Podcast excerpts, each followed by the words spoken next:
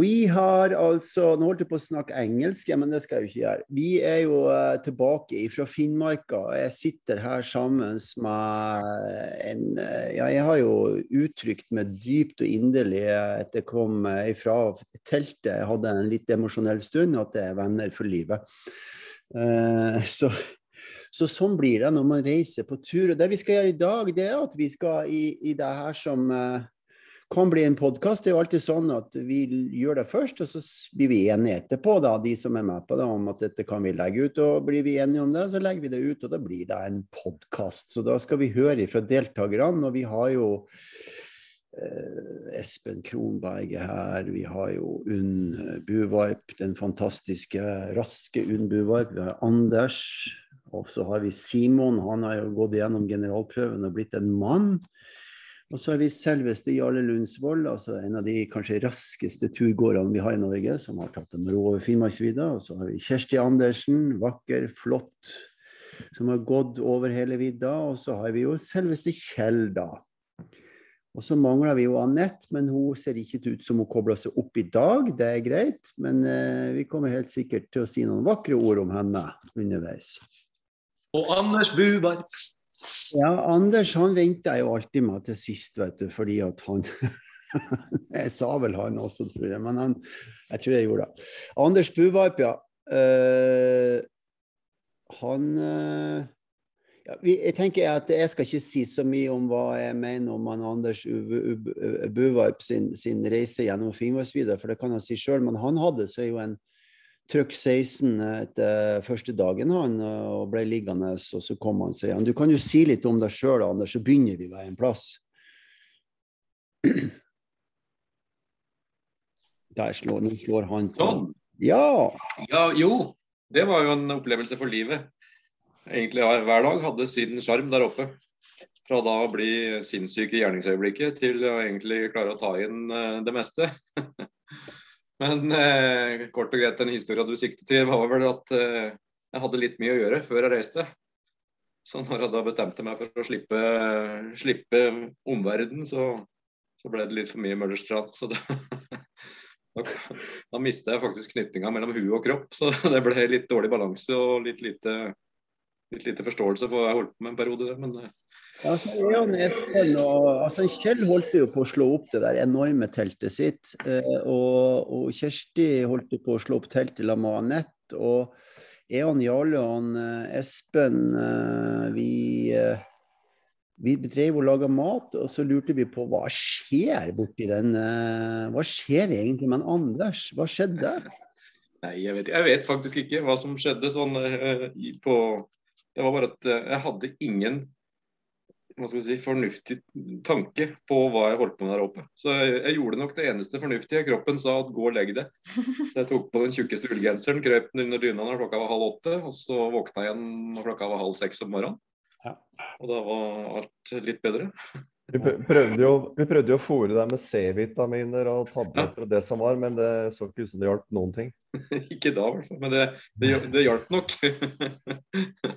ja, men det er bra. Altså, jeg skal bare gjøre en liten intro. Altså, som dere hører, kjære lyttere, så er det sånn at vi skal ha en uh, liten debrief, og så skal vi snakke litt om erfaringene våre som Finnmarksbiten. Vi gikk jo ifra Karasjok, eller nærmere mot finskegrensen, da, inn til Karasjok. Uh, og vi eh, overnatta på elva der, og så gikk vi eh, derifra og til eh, Alta. Så kan vi ta etappene underveis, men det er bare for å gjøre en liten intro for de som hører på det her. Kjempebra. Eh, hvor vi skal begynne, tenker dere? Eh, Anders han har åpna ballet her litt. Er det noen flere som har lyst til å være med på åpninga og si litt om eh, hvor vi starta? Du kan jo henge på Finnmarksløpet. Vi gikk i vårt eget Finnmarksløp sånn sett, men vi, vi hadde jo gleden av å se de nummer to til fem-seks, var det ikke det, som passerte oss på elva der? Jo, han, Thomas Werner han hadde kommet fem timer før vi før vi eh, egentlig landa i Karasjok, hvor vi traff Atalia og fikk eh, Lango. Vi fikk eh, fantastisk reinkjøtt ifra Vi må vel si konfirmasjonsrein, fordi det var altså rein som skulle være til konfirmasjon til dattera. Og Eh, det ble jo lagd finnkoka, som vi kaller det i Nordland, men eh, finnbiff er det vel det dere sier her på Sørlandet, med ja, fløtesaus, og det var, vi lagde potetmos, og det var helt nydelig. Og det var godt. Det var kjempegodt. Godt, ja. Ja. Jeg tenkte, vi kunne, jeg tenkte vi kunne begynne et steg tidligere. Jeg tenkte Vi fikk jo karasjokk på flyplassen. Ja, vi fikk Ja, vi tenkte på det, ja. Ja, dette er spennende, ikke sant? Det er jo Vi fikk jo karasjokk når vi, vi, fikk jo sjokk når vi kom på Gardermoen, skal vi, nei, skal vi si det sånn Fornebu, men det var Gardermoen. Altså, det er jo sånn når du planlegger tur, ikke sant, og øh, på, på i hvert fall det nivået som vi reiser på tur, så skal jo ting være i orden. Og det var det jo, men eh, det var jo et sjokk også å få 12 000 kroner i eh, overvekt. Det var 300 kilo i overvekt på pulkene våre med, med mat og drikke og eh, ja, alt som var. Så det var litt sjokk. Liker det. Jeg tror Espen og jeg snakka litt om det. Vi hadde vel høyest puls og mest svetting da vi drev og eh, omfordelte all vekt og pakka ut og pakka på og opp på vekta og veie for å finne den ideelle vekta så det ikke ble for mye overvekt. Da jobba vi ganske intenst. Ja. Det var en, det var en skikkelig eh, det var en skikkelig sånn eh, brå start på turen. da. Ja, ikke sant? Og det, det er jo det det handler om, det her som vi holder på med når vi snakker om bevissthet og turer. er jo å OK, så da er det det som skjer, og da er det egentlig å få Jeg har jo sånn 90-sekundersregel på å være frustrert. Um, og Espen, Jeg snakka med Espen her om dagen jeg var på mottak, jeg holdt på å si mottaket av, av pulkene, uh, mener mener da. Og som han sier, du var bra forbanna ute på vannet da. Ja, så sier jeg det var jeg.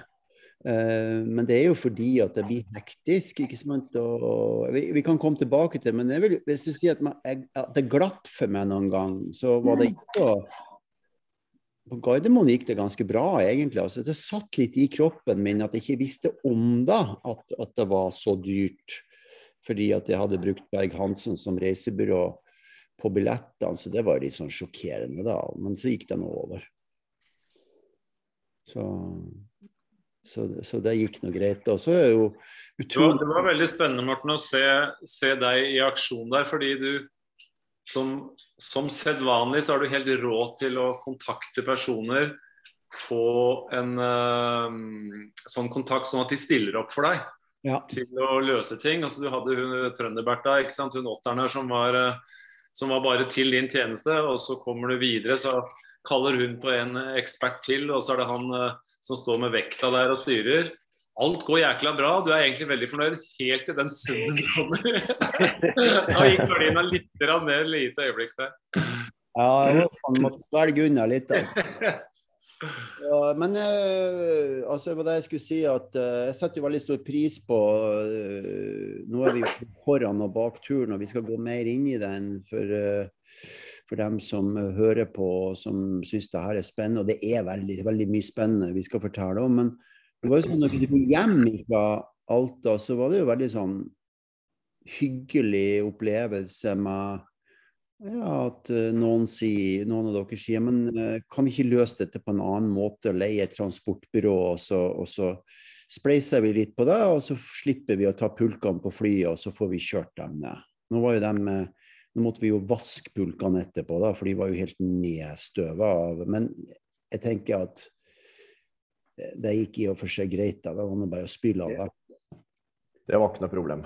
Så det var veldig fint. Jeg setter veldig stor pris på at dere var med på det, og at det ble håndtert så enkelt. Fordi det var litt for komplisert å ta med til de som skal på sånne turer, å ta med seg pulkene og, og? Vi, er, vi hadde ti pulker, og det var jo ingen pulker som var under eh, 50 kilo. Eh, og når du kan da ha med 23 kilo per person, så sier det seg sjøl at det blir en 300-350 kilo overvekt. Lærerikt. Ja.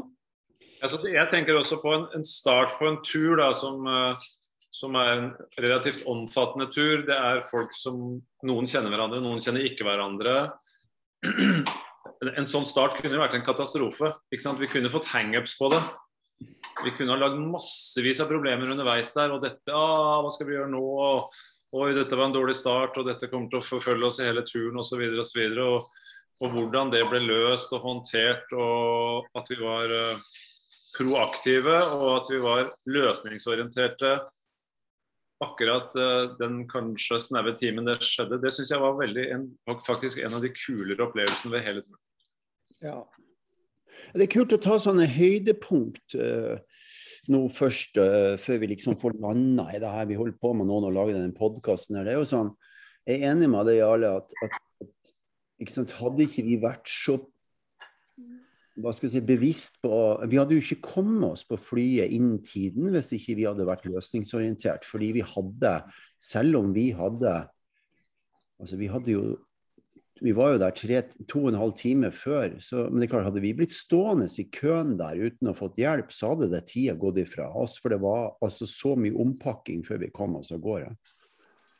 Så det var veldig kult å få snakka med henne. Og det er jo, ikke sant, du kan si at på en måte så er jeg en arrangør, men på samtidig så er jeg jo en uh, medreisende i lamma, en voksen gjeng som gjør et samarbeid for at vi skal få det her til å fungere på best mulig måte.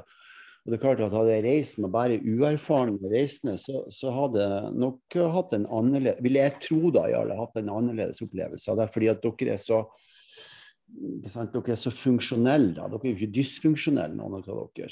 Dere er jo funksjonelle. Dere tar jo tak. Ja. Så i hvert, i hvert fall vil nå jeg si da at det, det, er kanskje litt sånn rart for dem som er helt nye, da. Det, men, men, som jeg har reist med flere ganger, så er det jo fantastisk funksjonelt å reise med en sånn gjeng. da. Så det var kult. Men la oss gå litt lenger tilbake igjen, for jeg tenker at det er viktig. Eh, jeg har, jeg har, jeg har, jeg har jo Altså, Jarle Lundsvold er jo et fenomen rent fysisk sett. Han blir jo faen meg aldri sliten til meg og Espen sin for, Espen har sagt han bryr seg ikke om det lenger. Men vi snakker jo om det av og til. Så vi, vi bryr oss jo litt. Jeg gjør heller ikke det. Jeg bryr meg ikke om det. Jeg syns det er en enorm ressurs.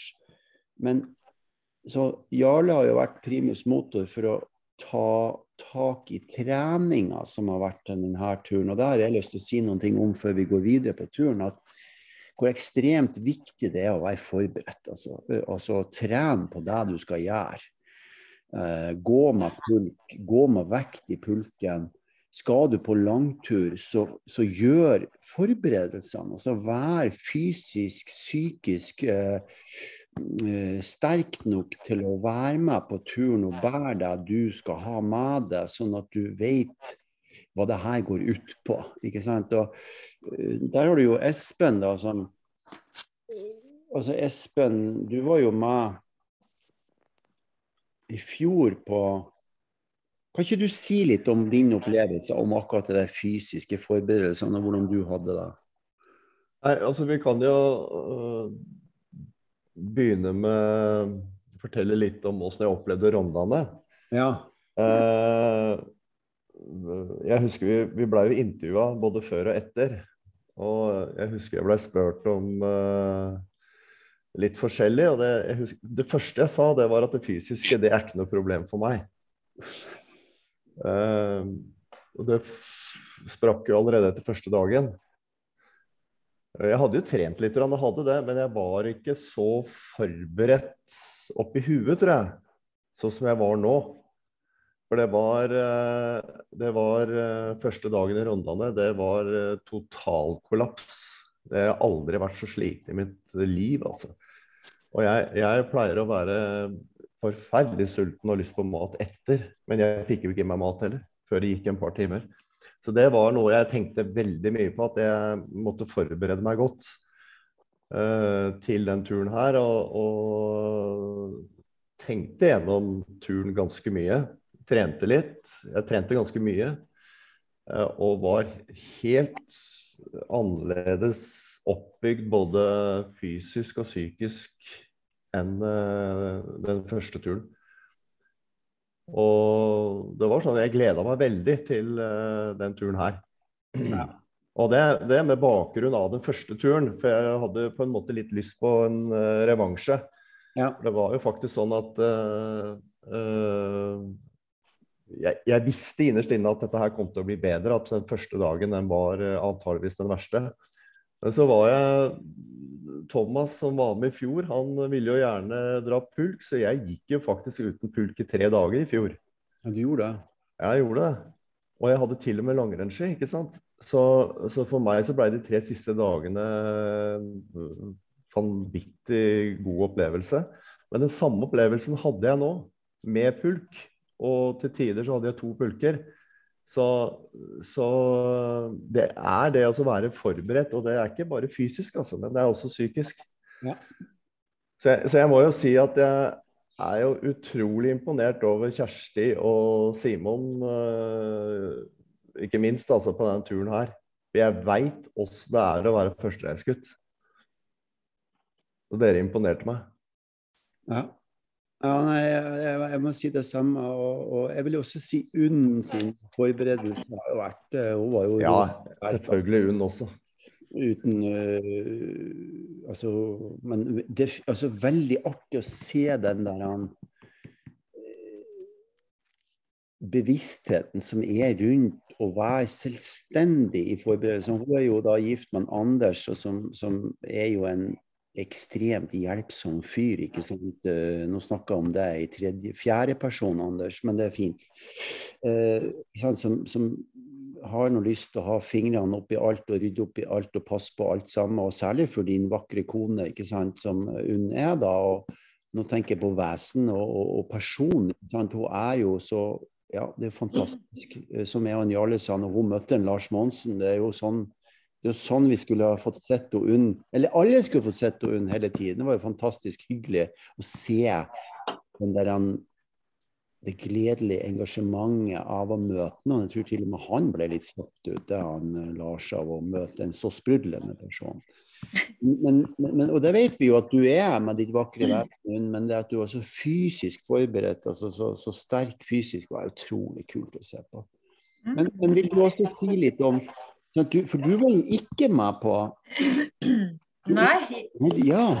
Altså Jeg jeg var jo så glad for å få bli med den gangen her, fordi forberedelsene gikk litt skeis forrige gang, for da fikk jeg så veldig gnagsår.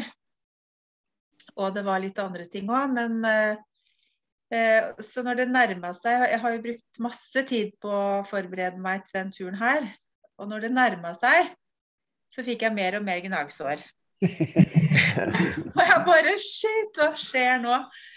Eh, og da endte det jo med at jeg bytta til noen gamle skisko og andre ski enn det jeg hadde tenkt å gå med bare en uke før. Og, og da gikk det bra. Så jeg, har, jeg er så takknemlig for at det ble en god opplevelse de luxe. Altså, det har vært utrolig fantastisk bra å være på tur med, med dere. Ja. Med så mye fine opplevelser hver dag Ja. ekstraopplevelser. Ja. Kulturelt, uh, mat, møter, menneskemøter. Ja, For du syns det var veldig spennende å møte Atalia og, og, og, liksom bli kjent med ja. Samisk. Den første dagen var jo liksom Lars Monsen og Atali, og, og, masse spenning og endelig komme seg av gårde og ja. Det var kjempefint. Men, men, jeg har en episode, det er jo mange episoder med alle sammen, men jeg har én episode som, er, som har festa seg veldig i, i Lamadeun, og det var jo når du fikk eh, altså riar, ikke, ikke fødselsriar, men frostriar, kan man kalle det. Å ja. ja. Jeg Jeg hadde en dag hvor jeg virkelig skjønte at uh, eller jeg lærte i hvert fall å kle, å kle på meg. Ja. Eh, fordi jeg gjorde ikke noe tiltak når det blåste opp og begynte å bli storm i kasta. Ja. Så jeg ble kjempekald. Vi gikk jo i mange timer over et vann i motvind, og så hadde jeg det ikke tett rundt eh, håndleddene bl.a. og brukte mye energi på å gå av, så jeg var ganske utmatta på væske og kulde. Ja. Så jeg var uh, Jeg var skikkelig Jeg hadde ubehag når, vi skulle slå leire der, da. Ja, for da, da prøvde du kvalm og, kvalm og uvel og Ja. litt sånn Litt sløv. Ja. ja og det- er spennende det med at du blir litt sløv. fordi jeg husker jo veldig godt at uh, flere av oss uh, sa, og Anders også, ikke sant, uh, sa at nå må du komme hit og kle på deg, og nå må du sannsynligvis gå inn i teltet. Men det skulle du ikke først. Nei, fordi jeg ville jo ut og hjelpe de Ja. andre å få telt, for det blåste veldig mye. Så jeg kom ramlende over i teltgropa til Kjell blant annet. og slo kinnet i teltgropa og bare Hei, Kjell, her kommer jeg. Ja. Ah, det var en pussig opplevelse. Tror ikke jeg var så mye til hjelp heller. Jeg skjønner at folk kan knuse i hjel på fjellet, altså at de blir jo uh, forkommen. Altså. Jeg forstår deg Ja. godt. Ja, eh, det skjønner jeg godt. Så ta vare på meg sjøl har jeg liksom fått enda et hakk inn i margen, da. Ja, ikke sant? Fordi man går kanskje for langt, eh, man sier ikke ifra, eller man kler, stopper ikke å kle på seg. Da. Mm. Eller spiser og drikker for lite, rett og slett. Og så skal leiren slås opp, og så tar det mye lengre tid. Og så skal man lage mat, og så har det gått tre timer, og så er man helt ferdig. Mm. Så ja, spennende. Ja, um, vi eh, Simon, hvordan har du Du er jo fra Ålesund og har jo forberedt det godt. Og hva har du å si til det? Nei, altså det mm, Forberedelsen var jo litt sånn opp og ned, da, med litt covid. og eh, først, Eneste testen jeg gjorde med pulk, det var å ha ei 50 kilos jente bak igjen og gå tur med henne. Så, men eh, var, Jeg var jo veldig spent, da, for jeg skulle jo møte en gjeng face to face for første gang. Og det, så denne her, kanskje denne Gardermoen-episoden var jo litt sånn greit for meg, for da, da var det ikke så mye fokus og sånn. Det var mer eh, løse et problem. Ja. Eh, så var jeg veldig spent på egen form og hvordan dette her skulle være, og kjente veldig på det hele veien, egentlig. Ja. Hele tiden hvordan jeg hadde det, hvordan jeg følte det. Var, var nervøs for å være det svakeste leddet og, og sånn. Så det, og det gikk jo egentlig veldig opp og ned hele turen. Eh, den lengste etappen vi hadde, da gikk jo litt i kjelleren og, eh, og hadde en lang prat med Unn, som eh, brakte frem masse følelser.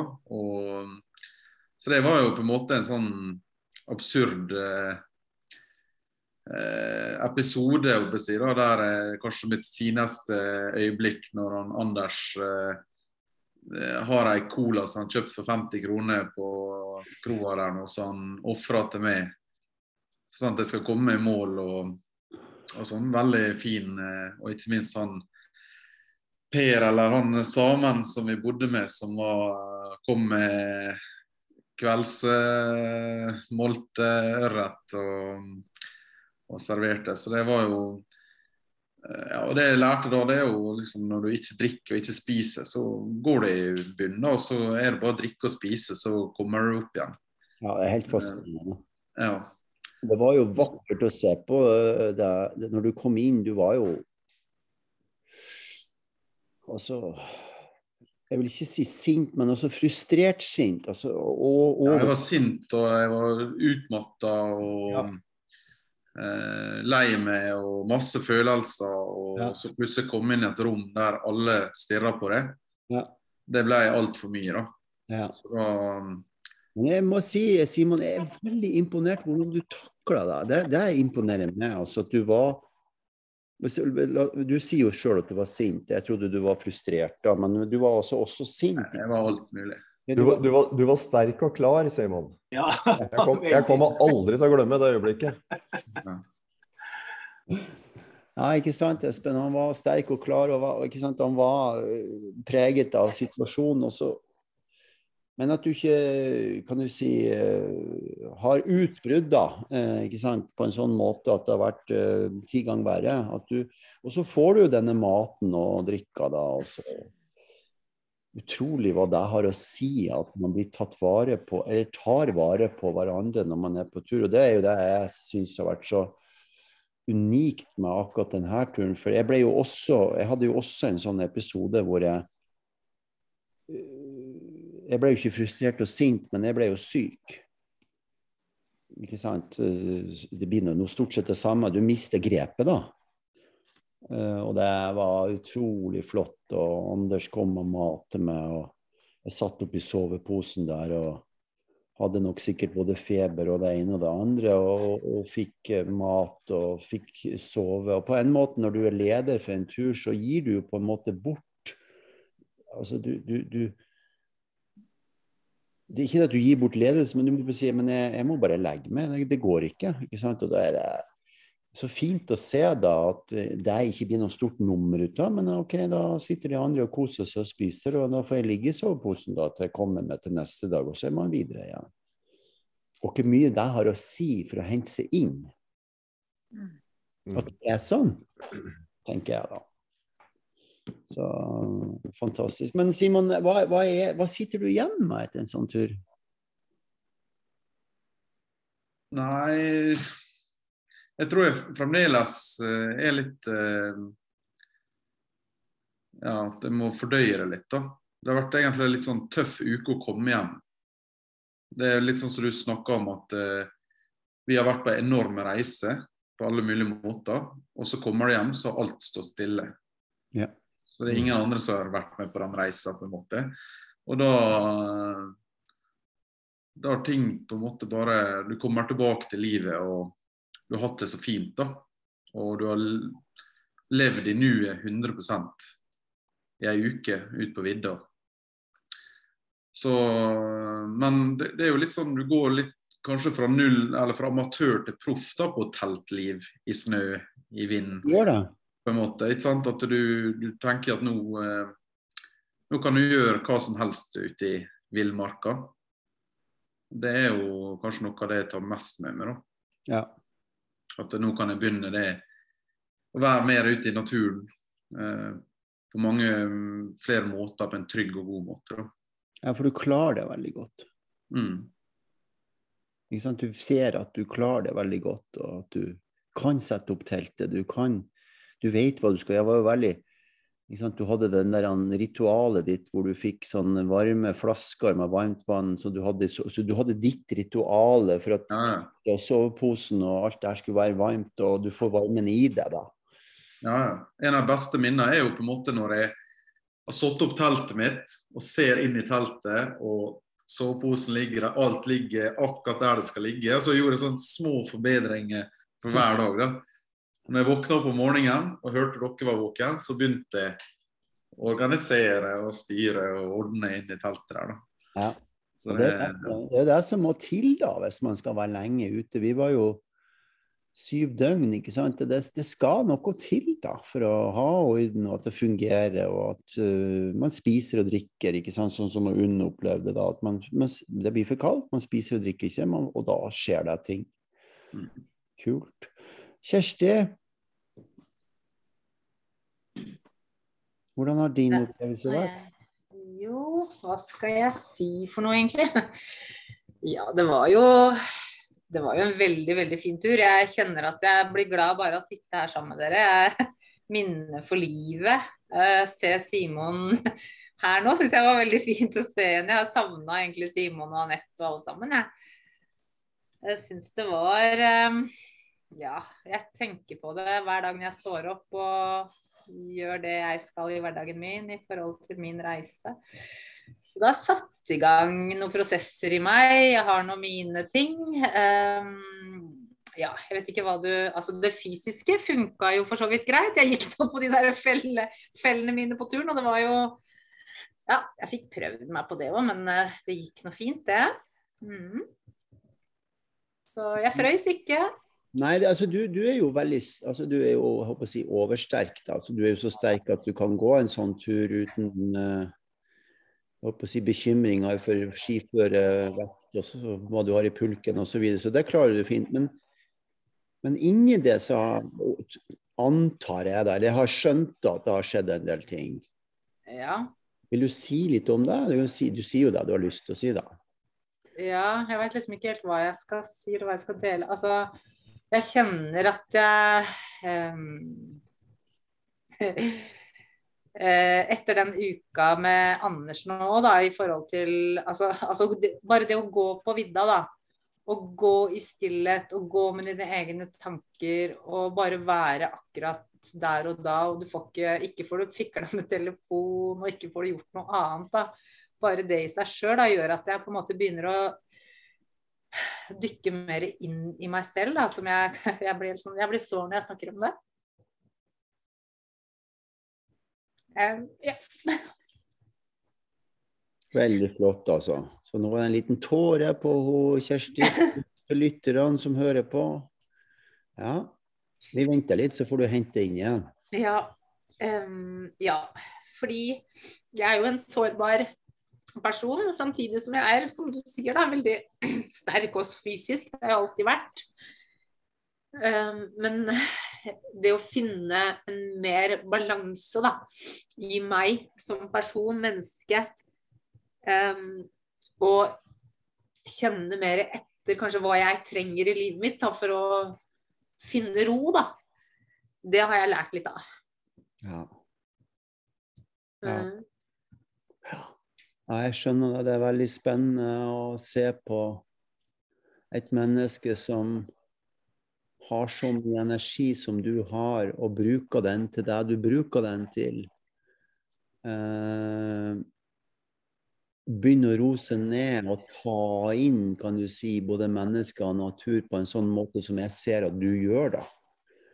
Eh, så er det utrolig vakkert. Det er like, jeg prøver å sammenligne. Det er like vakkert for meg å se at du tar det med ro, som å se han Espen var med i fjor gå den siste dagen med pulka på ski som om han gikk Vasaloppet for å ta igjen han Jarle som var langt derfra. Det var vakkert å se på. Ja. Altså, du ser, du ser at han går på ski med 70-80 kilo bakom seg. Ja. Han går og langer ut som en ordentlig skiløper. ikke sant? Ja. Uh, han som var så sliten på første dagen. Det, og, og, det er jo sånne ting som er så utrolig fint å se på. Uh, Unn som har de der små skrittene. Hun, alle sammen går jo på tur, men så Unn hun, hun mindre, hun mindre altså Takta er høyere, så hun går raskere på ski, men like fort som de andre. Er veldig fascinerende å se på. Og så har du, en Kjell som som går på ski med pulken. Altså han, han langer litt mer ut, uansett om det er oppover, nedover, bortover, skrått eller ikke, så går han på ski. Det er veldig spennende å se. Og så har du en Jarle ikke sant, som med dette humøret, dette, denne, denne uendelige kraften av energi ikke sant, som Han lovte jo meg en dag sånn, Nå skal jeg altså gå Nå skal jeg gå en halv meter bakom deg. Resten, sa han. Ja, sa jeg, det er fint. Og så tverte jeg inn i meg at det var 118 eller 113 det kom. Så var han, men det er ikke fordi at han vil gå foran oss, men det er fordi at jeg ser på en Jarle som en han, han har så sterke opplevelser, ser det ut for, for meg, da. Av å gå og, i sin egen kan du si, tempo, og litt frem og tilbake. Og, og, få, og det åpner seg i han da, på den måten. Det er veldig flott å se på. Og så har du en Anders, ikke sant. Denne, denne, karakter, denne karakteren han, som går i det samme tempoet uansett, og som, ja, som, som er tilstedeværende. ikke sant? Og det er jo kult, da. at det er Så har vi jo Anette, ikke sant, som hun er jo ikke her nå, men som som kjente deg med en gang, ikke sant? og som nok ikke trodde at det skulle være så heftig å gå over Finnmarksvidda som hun opplevde. Og, og, vi hjalp henne, og, og hun hjalp oss til å forstå hvordan det er å være i en virkelighet som du ikke har prøvd før, men som hun trengte å prøve for å forstå den. Og Hun gikk jo med full pupp eh, og, og, og, full pulk ikke sant, siste, dagen, og gikk jo egentlig bedre og bedre og bedre med henne. Å se den transformasjonen eh, av en person som egentlig ikke er klar over hvor mye effort det er å gå over Finnmarksvidda. For det er ikke noe, for, det er ikke noe barnemat, altså. Det må jeg bare si. Det er ikke det. Så ja. Vi må over der igjen. Ja. Mm.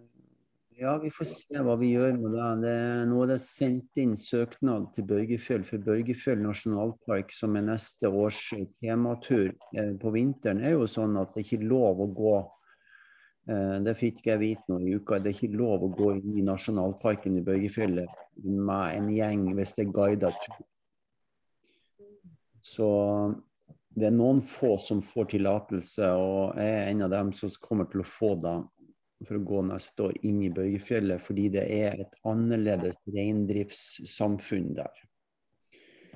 Så jeg skal nå jeg er i dialog med nasjonalparken, eh, Børgefjell nasjonalpark, og jeg har jo akkurat vært hjemme og møtt noen av hundekjørerne som var i bursdagen til broren min. Så der er en del som er klar for å være med på noe sånt, så det er kult.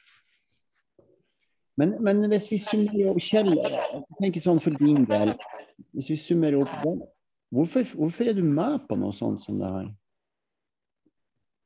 Spør du meg nå, Morten? Ja, jeg tenker, jeg tenker kaste barnet over til en Kjell, og så kommer vi tilbake ja. til alle. Ja. Hvorfor er du, Kjell, hvorfor er du med på det? Nei, altså Jeg har alltid hatt en eh, ønske om å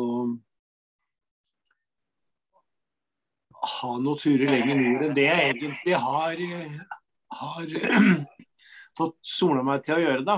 Så det, når denne turen her kom opp, så var jo altså lokaliteten var jo helt noe oss vi har tenkt mye på.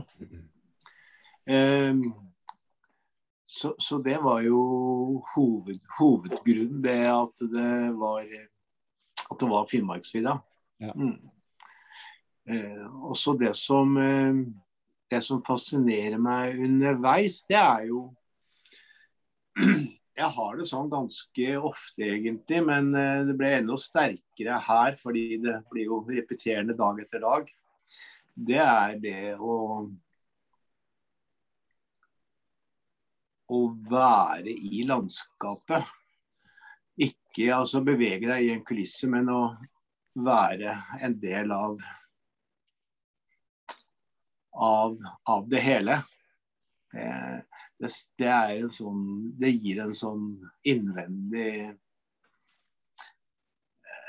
Hva skal jeg si god, Ja, det er en god følelse, en lykkefølelse, en eh, eh eufori. Å bli, bli, en del av det som man er i. Eh, det, det fascinerer meg, det, det syns jeg er bare det er, det er, så stort. Ja. Mm.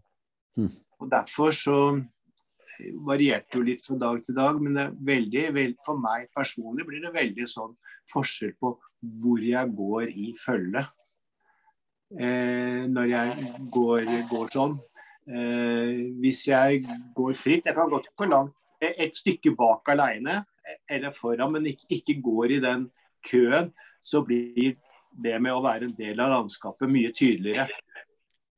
Eh, at, jeg, at, jeg, er i den, i den helheten. Eh, men ellers så var det utrolig flott den siste dagen. Så bestemte jeg meg for at jeg ikke skulle passere Anette på noe tidspunkt. Eh, og det var utrolig fascinerende, altså. Man har sett hvordan hun da hadde slitt i, i fem-seks dager og fikk den dagen. Og hvordan hun beveget seg med, med sekk og pulk i den dagen. Det var, det var også en helt uh, enorm opplevelse. Ja. Mm. Fantastisk. Ja. ja. Jeg er enig med deg. Det er mm. utrolig kult å se på mennesker. Og det er jo litt derfor jeg holder på med det her. Det er jo, du kan si at jeg kunne jo ha gått på tur med bare trente folk, men det hadde jo ikke blitt det samme som om man varierte. Mm. Varierte altså fysisk og Det er så stor variasjon, og variasjon i seg sjøl gjør at det blir så spennende med alle menneskene. Og hva vi gjør for hverandre på en sånn tur, er helt Og hva et menneske gjør når de får hjelp, er også utrolig spennende å se på. Hva, hva skjer med dem da? Og, og, hvordan har vi det når de tar imot hjelp? Og, hvordan har vi det når vi ikke får hjelp? Og alle, alle de tingene der er fascinerende. Det er jo en Simon var innom på det at Simon sier noe viktig her. Det er at han er på en reise man har forberedt seg lenge på. Da har vi alle sammen vært nå. ikke sant? Vi har alle sammen vært på en reise hvor vi har forberedt oss til å være med på det her. Og så er vi med på det, og så kommer vi hjem og så kan det oppleves som om at de som er hjemme, da har stått, eller tida har stått stille. Og jeg tror at for å gjøre en transformasjon, altså for å gjøre en endring, så må du også utsette for sånne ting som det her. Fysisk, psykisk, mentalt, uh, på sjelelig nivå. Du må altså få så mange sterke opplevelser inni deg at noen ting skjer med deg, sånn at du ikke er den samme igjen. For Det er derfor, det er derfor nok, sannsynligvis derfor du opplever at det er ikke skjedd noen ting når du kommer hjem. Men så tror jeg at det er noe annet òg. Og det, det, blir jo litt sånn reklamefilm for for jeg lanserer et produkt som heter Supercharge. Og det er en grunn til det. Det er fordi at jeg har gått på Finnmarksvidda i lag med en gjeng som jeg også ser på som veldig veldig gode venner. Altså, veldig, veldig, det er noe eget som skjer med dem som du er sammen med på tur på sånne opphold under sånt strev og sånne forhold, og, og der vi er med på. Men så er det noe annet som, som jeg syns er helt spesielt denne gangen her, som ikke jeg har skjønt før jeg kom hjem. Og det jo, Man skal jo ikke skjønne det før man kommer hjem. Det er jo lurt når man skal gjøre en opplevelse, hvis det er eksperimentell, eksperimentell opplevelsesbasert læring. da. Og det er jo at Intensjonen for turen var jo å få altså kulturen inn i blodet. Når vi var på Dovre, så gikk vi med flyt som tema. Det fikk vi til. Men her fikk vi kult... Vi fikk faen Finnmarksvidda inn i blodet! På, på, på, forskjellige måter. Med vær og vind og samisk kultur, mat, isfiske, slit, frossen. Vi fikk, vi fikk den landsdelen inn i blodet, den kulturen, den ånden som er der. Og så kommer poenget mitt at når du får så mye oksygen, altså du får så mye overstimulans, så blir du supercharged. Altså du blir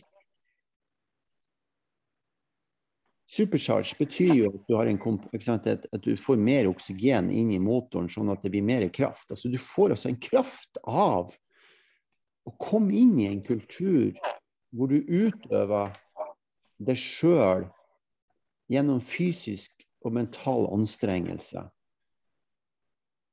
Men fordi vi er så nært på samene, fordi vi er så nært på den kulturen som er der, så blir vi supercharged. Altså det skjer en endring inni oss som jeg tror vi kommer til å få veldig mye igjen for det, det året som kommer. Alle sammen som har vært med den gangen her. Altså det lengre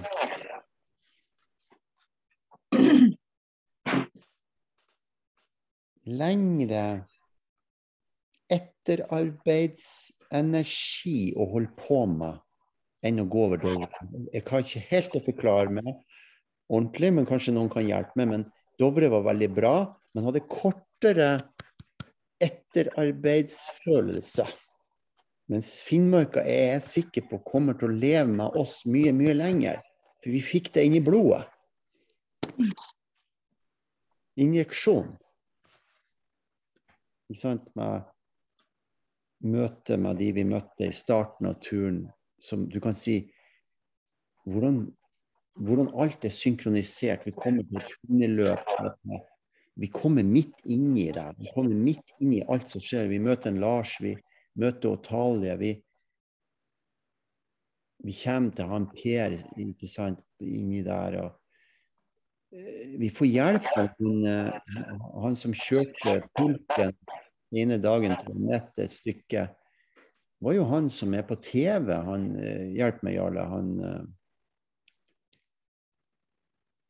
Hva heter det programmet? Kaos-TV. Kaos-TV.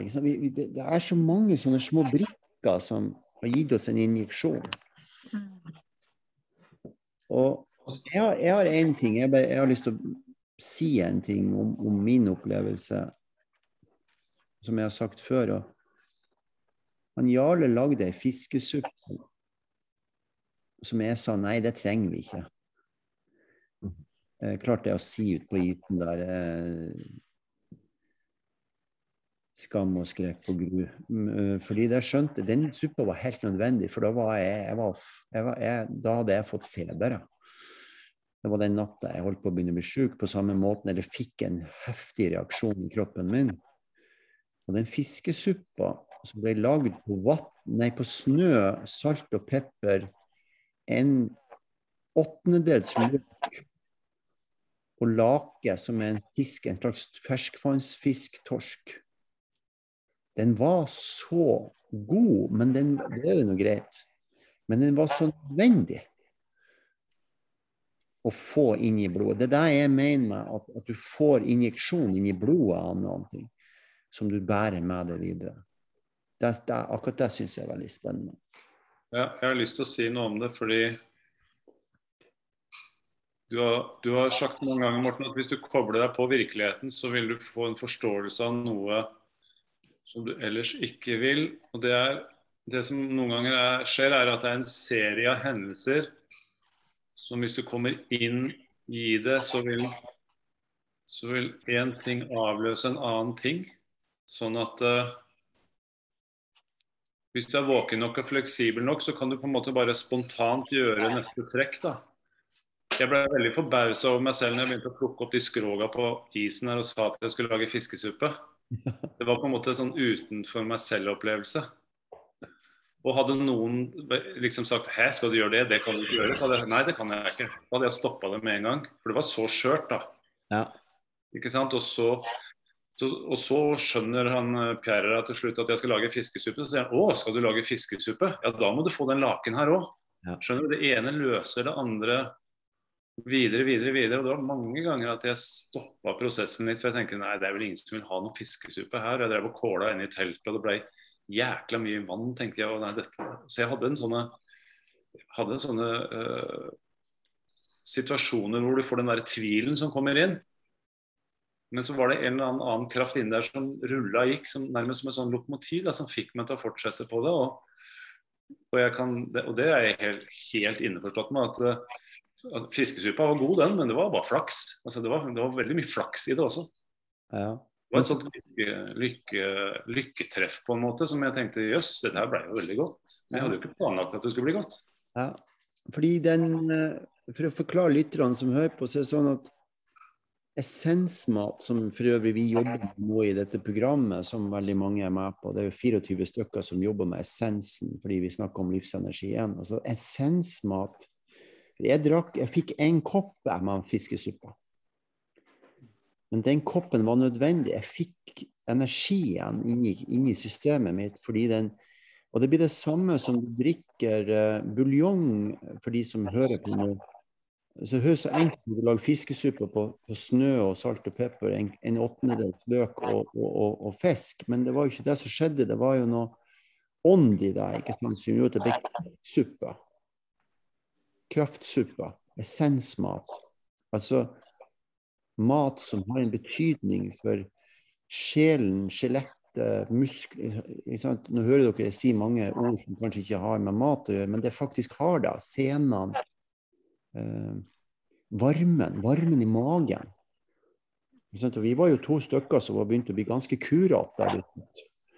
Og det er jo UNN var ganske Vi var ganske satt ut, vi, av, eh, av hva enn det var for noen ting. Uh, og jeg gikk jo i teppet da jeg lagde den filmen og takka dere som gode venner. Så det, så det var veldig nødvendig. Det var, synes jeg var veldig, var en høydere. Virkelig høydere. Altså. Og selvfølgelig mange andre måltid, men, men man trekker jo ut noen ting som, som setter seg i systemet. da. Den fiskesuppa var helt utrolig. Og, og, du var så vidt innom ordet buljong i stad. Og, og, vi fikk jo veldig mye god samisk mat underveis. Eller finnmarksmat. Men den fiskesuppa og den buljongen vi fikk Selv om de var kokt på to helt forskjellige basis, så det gjorde mye av det samme med meg, altså. Ja. Den, den, det var eh, Så Jarle, det Flaks, ja vel, men eh, det var helt, helt unik opplevelse. Ja, det Akkurat som buljongen som vi fikk på Jotka. Ja. Det er det som gjør man alle, alle disse tingene man opplever på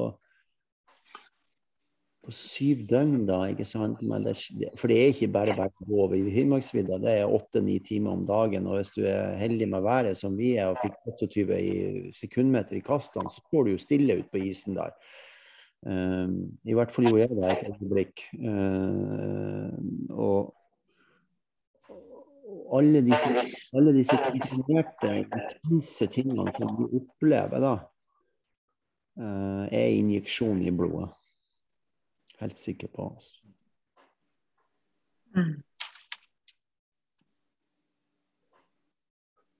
Det er, det er, et sånt uttrykk som, eh, som, som, eh, kommer Jeg tror det kommer fra noen noe sånn Zen-aktige saker.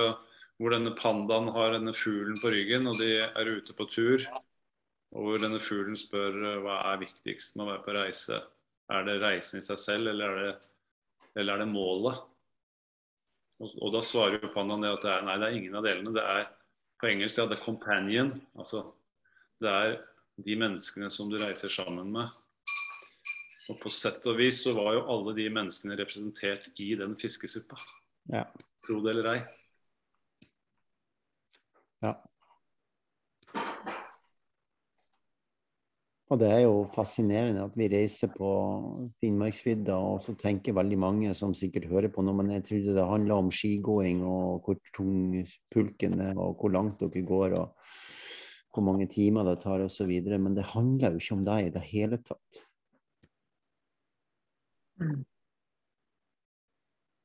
Ikke er ikke det.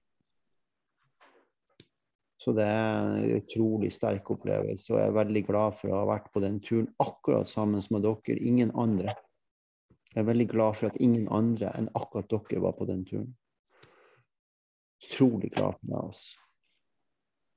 Og det, det, du snakker om Anette og, og Jarle i hver sin ende av skalaen, på en måte, så er jo dette her på en måte en reise som vi har kommet gjennom sammen. Akkurat det at vi at ikke det er en gjeng med bare supertrente folk. At det er en god blanding og alle har gode kvaliteter. Det gjør det at det, det blir en helt unik reise, da. Ja. Mm. Og masse reise i reiser. Og, ja. og det er jo sånn at Hun var jo en veldig stor motivasjonsfaktor for min del gjennom hele turen.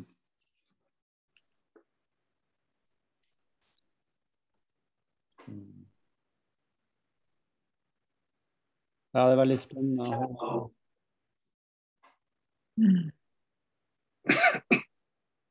Gikk ifra å være en eh, ikke sant, en, en, en,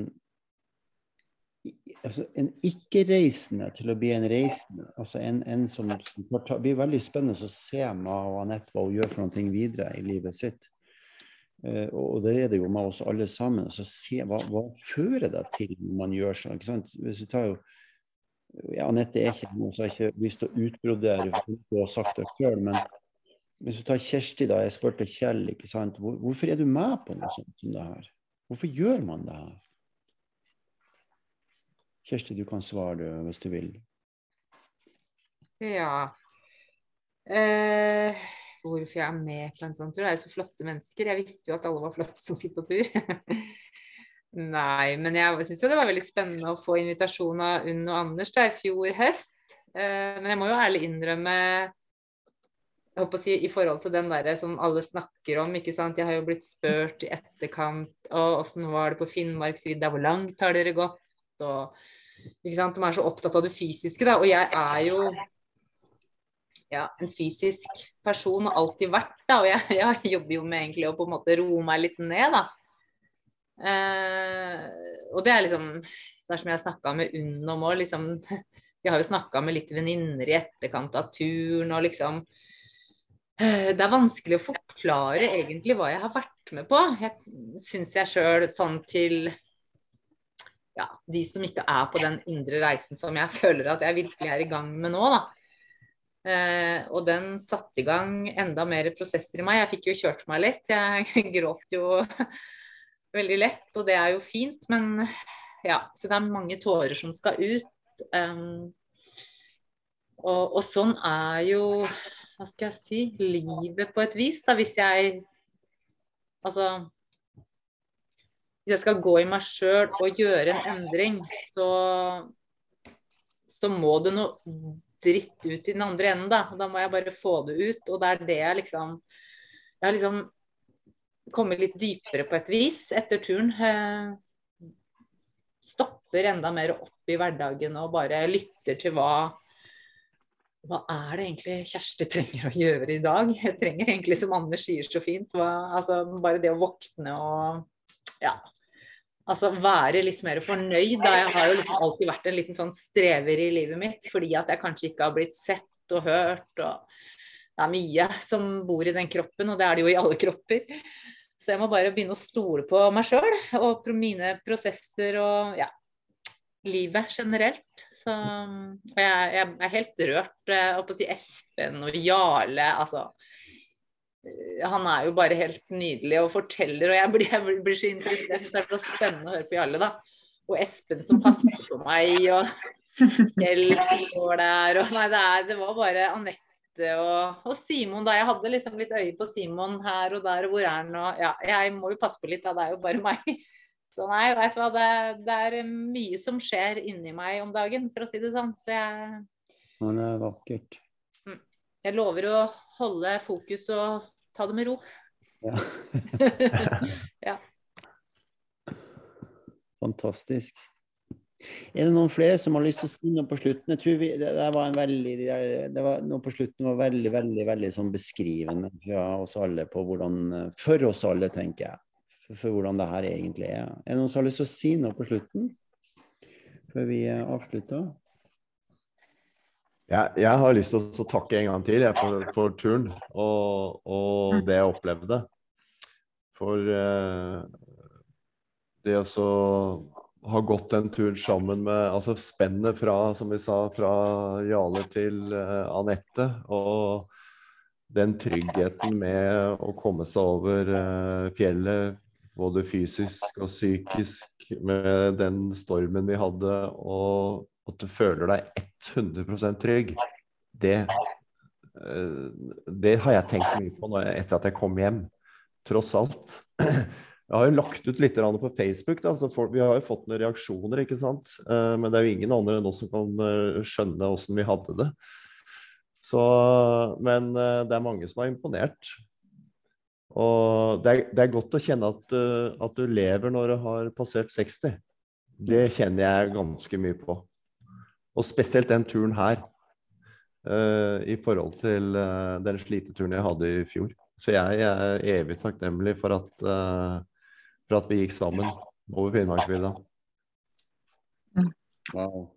Kan jeg bare si en liten ting til? Bare, det, det, er så mye man kommer på, sånn, i hvert fall for min del, underveis når, når Espen snakker. Og jeg tenker på deg og Morten, som, som, har med en gjeng. Og dere er jo fantastiske til å samarbeide når vi kommer fram. Jeg, jeg kjente liksom på at jeg, jeg, kunne kjenne på at jeg liksom ikke strakk til i forhold til å ordne mat eller ved eller Altså, men Jarle og Espen da, og du, Morten, dere, liksom, dere er så kjappe på å sette opp telt. Og, men jeg, jeg, var egentlig, jeg syns jeg var god på, på en måte, å kanskje ha fokus på det som var viktig for meg. Da, for, å, for å på en måte, At jeg ikke skulle fryse og få opp telt og hjelpe Jessa med Og, altså, vi var jo to.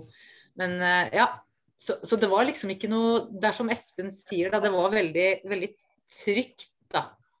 Det var veldig sånn tatt vare på på hele turen. Så det var veldig, veldig, veldig, veldig fint. Så tusen takk til alle sammen. Mm. Ja, altså mm, Sånn grunnprinsippet i det som eh, jeg vil si eh, Hvis jeg snakker for min egen eh, bitte lille måte å tenke på, så er det jo å bygge opp noen ting som er funksjonelt. Som har en plattform og en atmosfære som flere kan komme inn i. Og, og han Jarle har jo vært en ambassadør for det, og Anders er en ambassadør for det. Eller begge to har jo liksom vært med på alt som har blitt gjort de siste årene. Og, og så har Kjell begynte å komme inn i deg, ikke sant. Og unne mer ressurssterk noen har vært noen gang før. Det er derfor hun skal være med og lede den workshopen som vi har den 29. og 1. mai med god hjelp fra oss andre. Det er jo ikke sånn at hun skal gjøre det alene, men hun skal finne ut hva hun skal gjøre.